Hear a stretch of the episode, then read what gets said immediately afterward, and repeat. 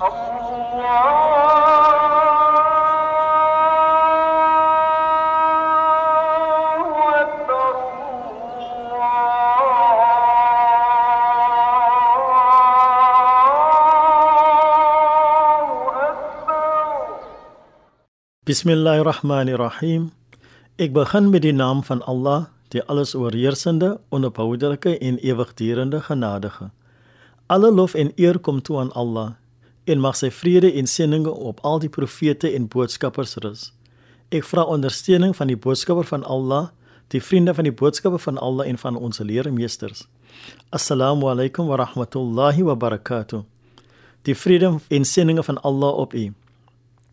Sirat is die tweede objek van die bevel ihdi en eindig met 'n a vokaal. Volgens Imam al-Bajuri is die leksikale betekenis van die woord sirat 'n duidelike en breë weg. Tegnies verwys dit na 'n brug wat oor die hel gespan is en dit lei na die paradys. Almal wat moet rekenskap gee van hulle lewe op aarde, dit sluit in gelowiges en nie-gelowiges en selfs diegene vir wie daar nie afgevra gaan word nie, moet hieroor beweeg. Sommige beskryf die brug as dunner as 'n haar en skerper as 'n lem.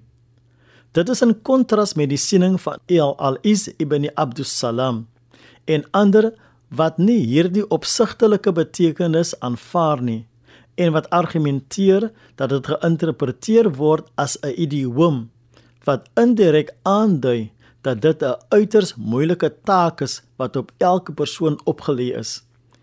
Sommige kommentators sê ook dat die wyte van die brug deur die lig of noer van die persoon is. Die lig van elke persoon is tot daardie persoon beperk en geen ander persoon sal uit die lig van 'n ander voordeel put nie. Die sirat is dus wyd vir sommige en nou vir ander. Die wysheid of hikma rondom die sirat is om te onderskei tussen die gelukkiges en die ongelukkiges. Die gelowiges sal vrede, vreugde en bevrediging ervaar vir hul sukses om oor hierdie brug te beweeg, terwyl die ongelowiges in wanhoop en in verlies verswelg sal word wanneer hulle die regte en voorregte van die gelowiges sal aanskou. O Allah, ons smeek U om ons te seën met geloof in U. Maak ons ruimhartig sodat ons vir U leiding ontvanklik sal wees. O Allah, ons vra U om ons beweging oor die Sirat al-Mustaqim voorspoedig en insidentloos laat wees.